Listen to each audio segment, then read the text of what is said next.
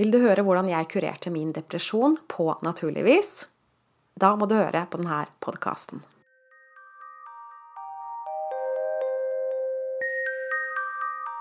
Hei, jeg heter Line Strandvik. Jeg jobber som personlig veileder, hvor jeg hjelper deg tilbake til sannhet, hvor livet er ekte, enkelt og meningsfullt. Jeg er rundt 45 nå, men har slitt med depresjon tidligere i livet. Det slo ut i full blomst sent i tenåra og fortsatte egentlig fram til jeg var omtrent 30 år. Hatt glimtvis av det etter det òg, men det, de, de, siste 15 åra så har jeg ikke kjent noe depresjon.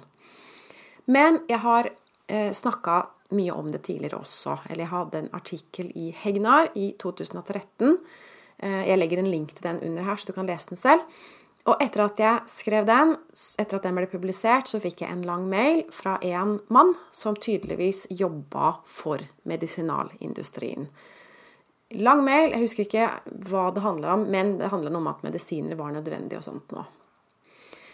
Jeg har ikke brukt medisiner, og jeg har heller ikke vært hos psykolog. Det er ingen som har stilt diagnosen på meg heller, men jeg tenker at når du har lyst til å dø sånn annenhver dag over flere år, kall det depresjon eller ikke, eh, men det er i hvert fall ikke bra. Det er ikke normalt. Eller dessverre så er det jo normalt. Det er veldig mange som er deprimerte i dag. Men det burde ikke være normalt. Det er en ubalanse. Og jeg tror at alle ubalanser, alle smerter vi har, enten det er fysisk eller psykisk, det har en hensikt. Også emosjonell smerte, det er en feedback-mekanisme om at noe bør korrigeres. Og jeg tror jeg vet hva det var. Jeg tror det var flink pike-syndromet som holdt på å kvele meg.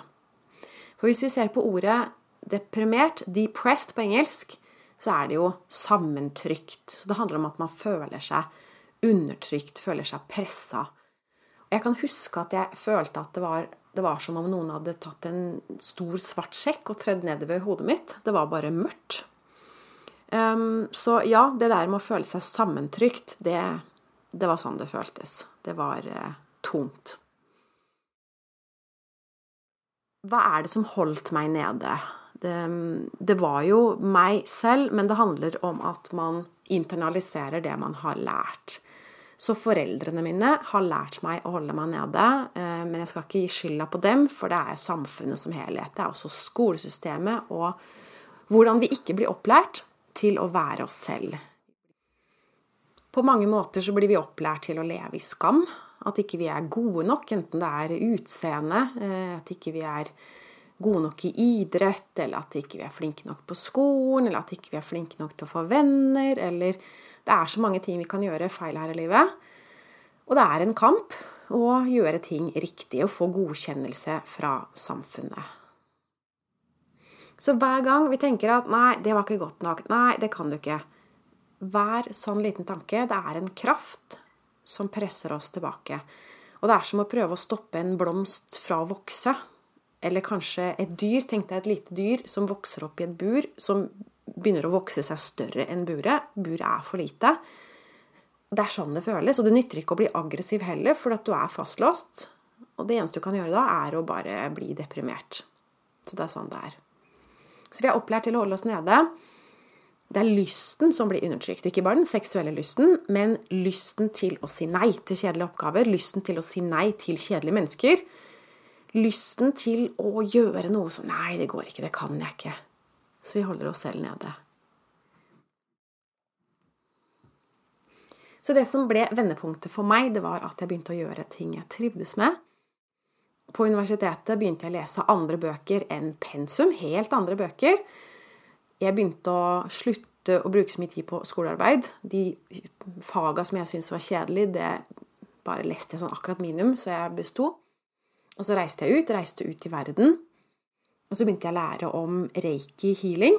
Jeg gikk på et eh, universitet i India. Jeg tok eh, diplomoppgaven i India. Og på det her universitetet så hadde vi en yogalærer. Så jeg begynte å lære yoga, og hun inviterte oss inn til å lære reiki healing. Og for en sivilingeniør, en, en, bare en normal person egentlig, som er oppvokst i dette samfunnet, så er jo alt som har med sånne alternative ting, det krasjer litt inni hjernen. Men det føltes godt. Det var et eller annet som føltes veldig naturlig å, å gjemme. Så det var en del av meg som følte yes, dette er riktig. Men hjernen min klarte ikke å henge med, så jeg måtte bruke lang tid på å forstå. Så jeg måtte ta alle gradene. Jeg måtte ta, Til og med mestergraden måtte jeg ta for å forstå egentlig hva det her handla om. Men det handla ikke Man kunne ikke forstå det. Det er noe man bare må til slutt godta. Man kan ikke alltid forklare hvordan ting fungerer. Noen ganger så er det bare sånn. Man må bare akseptere det. Man må rett og slett stole på at følelsene taler sitt eget språk og forteller hva som er sant. Så i mitt liv så har jeg endra på mye. Fått nye venner, fått nye jobber, flytta. Og det har ikke vært lett. Det er kanskje mye lettere å ta en medisin mot depresjon, for det å bryte opp med alt som ikke funker, det er, eh, det er tøft. Og det setter i gang reaksjoner i andre mennesker. Det er vanskelig å skilles fra mennesker man er glad i, og det er vanskelig å se at de ikke har det bra, sånn som jeg tenker. Så man må gi slipp og fokusere på, eh, på andre mennesker. Man, man bytter ut venner, egentlig. Bytter ut mennesker i livet sitt. Og det er det jeg har gjort òg. Så nå så fokuserer jeg på de menneskene som virkelig ønsker en endring i sitt liv.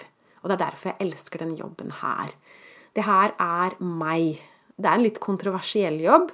Eh, jeg kommer hele tiden med noe nytt. Nye ting som folk ikke har tenkt over før. Det er ikke det mainstreamen jeg kommer med. Så det setter i gang reaksjoner i andre.